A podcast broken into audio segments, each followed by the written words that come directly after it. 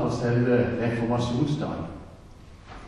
Det er så mye flott som vi har fått av reformasjonen, så det er vel verdt en gudstjeneste å dvele litt ved hva vi har i eh, reformasjonen, i den historiske konteksten der, men først og fremst hva vi har i troen på Jesus Kristus. Eh, jeg kan jo si først at eh, jeg kommer fra altså Jeg er sogneprest i, i Lund og Hesjestad menigheter. Moi er kanskje mer kjent. Lund kommune rett over grensa til, til Rogaland, forbi Flekkefjord. Man kan kjøre forbi der på E39, tenker jeg. Men egentlig så kommer jeg fra Søgne, og det er det kanskje ingen som hører. Dette har bodd så mange andre steder. Men i alle fall så, så er det sånn. Så i prinsippet så skulle jeg ikke hatt så lang vei. Men eh, jeg, fant en, eh, jeg, fant en, veldig fin bønn i, uh, i salmeboka som jeg tenkte vi kunne, vi kunne starte med. La oss be.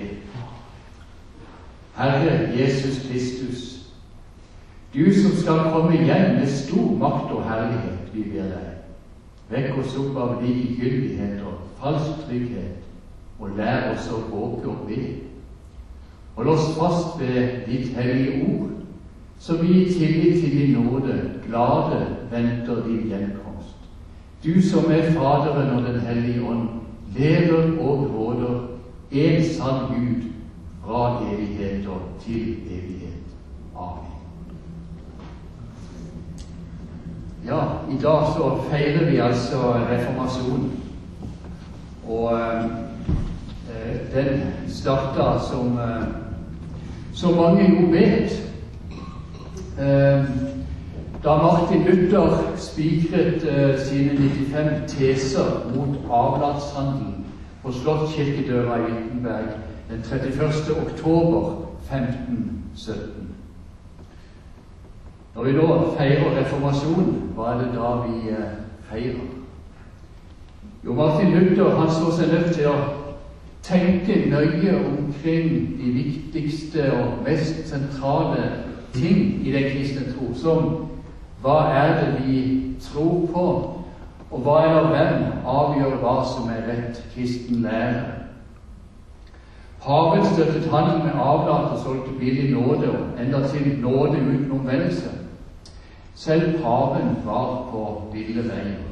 Kunne virkelig paven ta feil? Paven kunne, om så skulle være, støtte seg til kirkemøter og konsiler. Kunne også disse ta feil? Kunne det store flertallet, nesten alle lærde og hele Kirkas ledelse virkelig ta feil? Spørsmålet var altså hva eller hvem har autoritet når lærespørsmål skal avgjøres? Før reformasjonen så var det utvilsomt kirka med paven og tradisjonen som forvalta sannheten, men tilbake til oldkirken.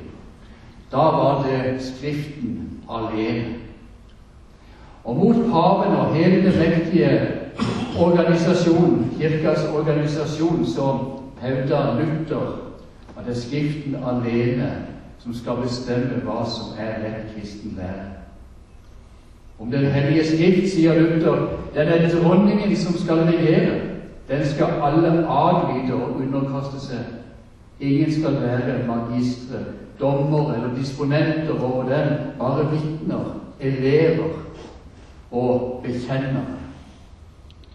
Det gjelder paven, det gjelder Luther, det gjelder Augustin, det gjelder Paulus, det gjelder en engel fra himmelen. Noen annen forkynnelse enn Guds rene ord skal heller ikke overleveres eller høres i Kirken. Er det sin egen lære de er ute med, skal de være forbannet, både forkynnerne og tilhørerne. Ja, det var sterke ord fra Luther. I dagens bibeltekst så er vi tilbake i Kirkens første tid.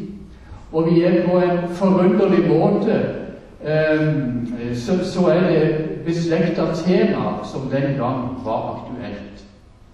Og vi er i apostel Paulus sitt første brev til menigheten i Korint, i det tredje kapittel, fra vers 10, og vi, reiser oss. I kraft av den nåde Gud har gitt meg, la jeg grunnvollen som en klok byggmester. En annen bygger videre. Men hver enkelt må være nøye med hvordan han bygger. Ingen kan legge noen annen grunnvoll enn den som alt er lagt, Jesus Kristus. Men om noen bygger på grunnvollen med gull, sølv eller edelsteiner, med tre høyere halm, skal det en gang vise seg hva slags arbeid den enkelte har gjort. Herrens dag skal gjøre det klart. Den åpenbarer seg med ild, og ilden skal prøve hvordan den enkeltes verk er. Om det byggverket noen har reist, blir stående, skal han få sin lønn. Dersom det brenner opp og han lider tap. Selv skal han bli frelst, men bare som gjennom ild. Vet dere ikke at dere er Guds tempel, og at Guds ånd bor i dere? Dersom noen ødelegger Guds tempel, skal Gud ødelegge ham. Guds tempel er hellig, og dette tempelet er dere. Ingen må narre seg selv. Hvis noen av dere regner seg som vis i denne verden, la han da bli en dåre, så han kan bli virkelig. For denne verdens visdom er dårskap i Guds øyne. For det står skrevet Han fanger de vise i deres list. Og et annet sted Herren kjenner de vises tanker. Han vet at de er tomme. Derfor må ingen skryte av å være tilhenger av mennesker. For alt hører dere til, enten det er Paulus, Apollos eller Kefas, enten det er verden, livet eller døden, det som er nå, eller det som skal komme. Alt hører dere til. Men dere hører Kristus til, og Kristus hører Gud til. Slik lyder Guds ord.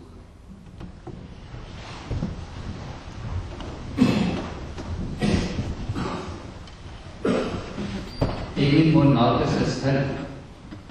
Hvis noen av dere regner dere som vis i denne verden, la han da bli en dåre, så han kan bli virkelig vis.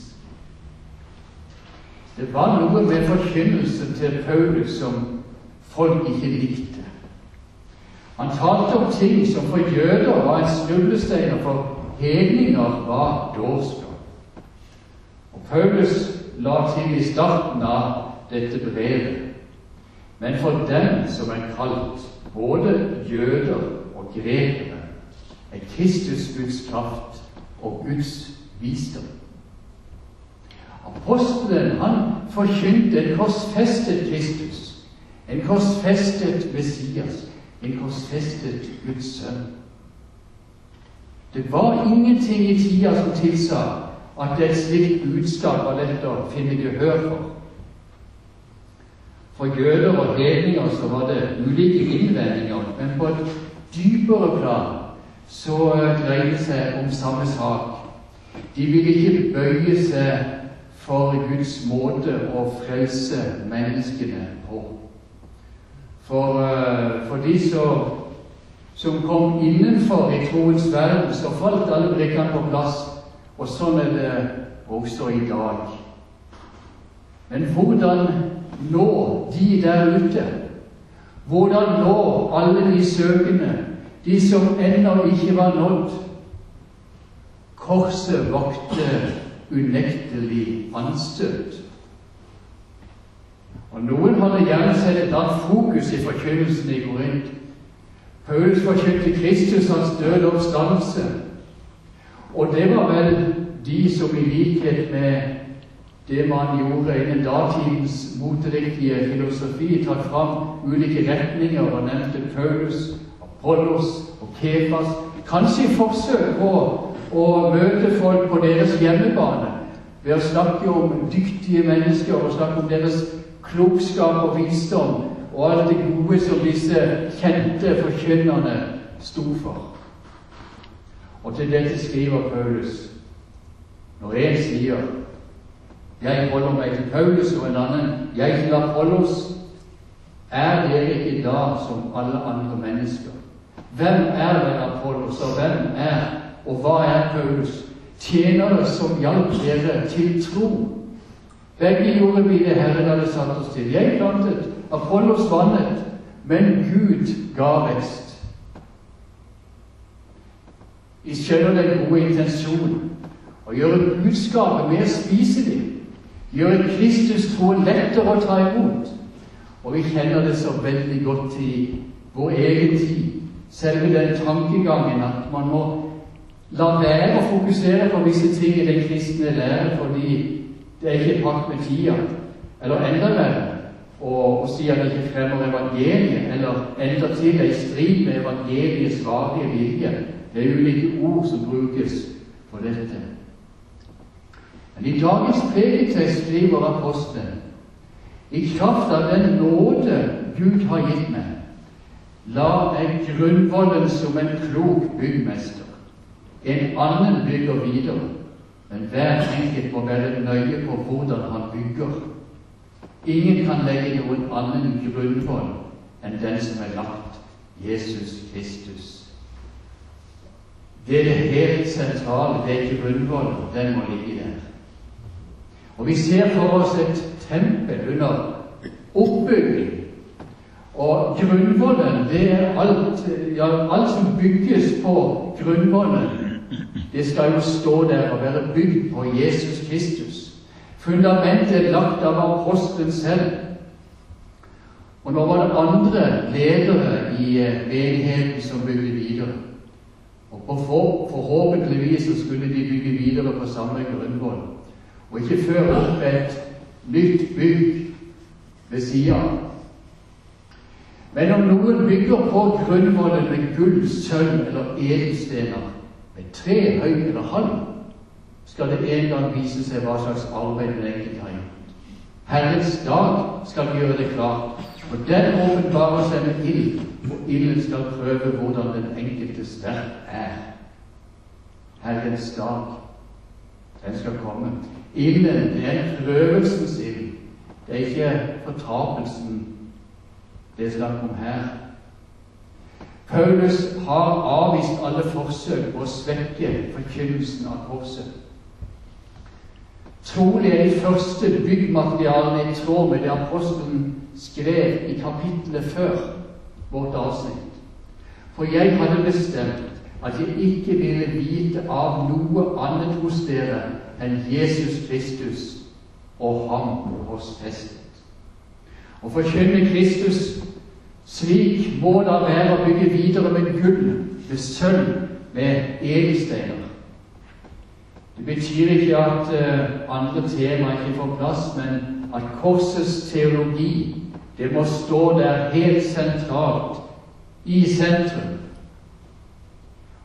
Og de brennbare byggmaterialene, tre høy og halv, må trolig være den slags forkynnelse som uh, klør i øret for enhver tids tilhørere. De ting folk liker å høre. Uh, den gangen så var det filosofi og verdslig eh, visdom. I dag eh, kanskje den type forkynnelse som har mer en terapeutisk virkning og gir en skikkelig godfølelse for kirkeuvante ikke det at ikke vi skal ha en godfølelse og, og, og den slags ting, men det skjer noe når det blir det som blir det sentrale og det viktige i forkynnelsen. Og Riktignok vil denne typen forkynnelse kunne gi lavere terskler og flere på enkelte samlinger, men den dagen det alt skal stå sin prøve i ild, så vil et slikt byggverk brenne ned til grunnen. Det står skrevet om det byggverket noen har reist i stående, skal han få sin lønn. Dersom det brenner opp, må han lide tap. Selv skal han bli frelst, men bare som gjennom ild. Dette bibelordet står sentralt i den katolske kirkes lære om skjærsild. Men her er ikke noe tale om en renselsesild i den forstand. Eh, tapet er at livsverket holder ikke mål, selv om de bygde på den samme grunnvollen Jesus Kristus. Det er altså tale om troende kristne medarbeidere som ganske sikkert i beste mening har drevet menighetsbyggende virksomhet, men kanskje vært redd for at folk skulle ta anstøt av, det, av den sentrale evangelieforkynnelsen. Og Derfor toner denne ned til fordel for mer populære temaer som folk flest har vært opptatt av. Og Vi kan jo spørre oss om ikke denne fristelsen er like stor i dag. Og vi kan vel merke det noen og enhver at eh, menighetens forventning til å høre noe nytt og interessant eh, det kan være styrende. Og så finnes det også de som går lenger. På kirkemøtet for et par år siden så har vi sett hvordan teologer og menighetsledere var villige til å bytte ut Bibelens ekteskapsforståelse med det som er dagens trend, selv mot bedre vitende. Vi finner slike tilpasninger i ulike etiske spørsmål og like inn i forståelsen av hvem Gud er. De sider ved Gud man ikke liker, slike som Guds hellighet, vrede over synd. Det kan så lett nedtones i forkynnelsen og bli borte for menigheten. I kjølvannet av feminismen så har vi også fått den feminine Gud som omtales med det personlige pronomen 'hun'. Og Vi ser også at livets to utganger byttes ut mot en himmel for alle, uansett tro. Og et sted i dette landskap, et sted så går det en grense, og man bygger på en annen grunnvoll enn den som Paulus har lagt. Og med det resultat at mennesker føles vill. Apostelen han brukte Guds tempel som bilde på den lokale menighet i Korint. I det han skrev, vet dere ikke at dere er Guds tempel, og at Guds ånd bor i dere. Dersom noen ødelegger Guds tempel, skal Gud ødelegge ham.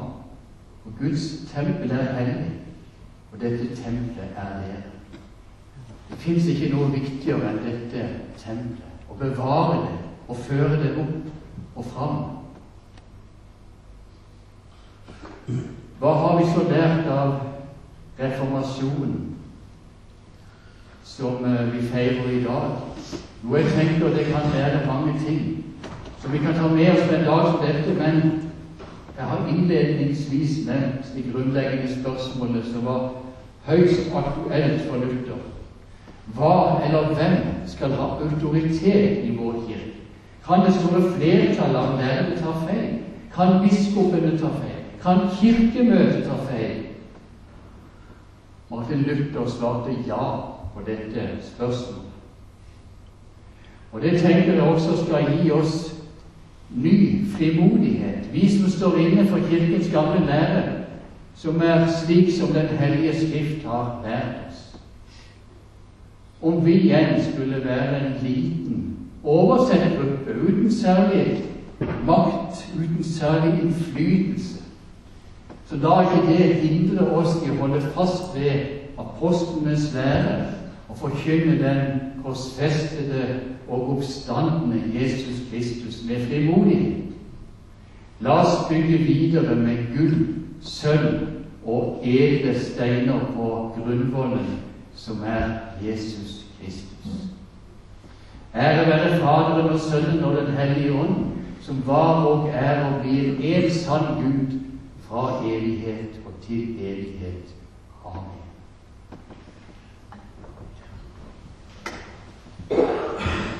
Nå synger vi salmen nummer 513. Nå ber Gud Den hellige ånd. Fire.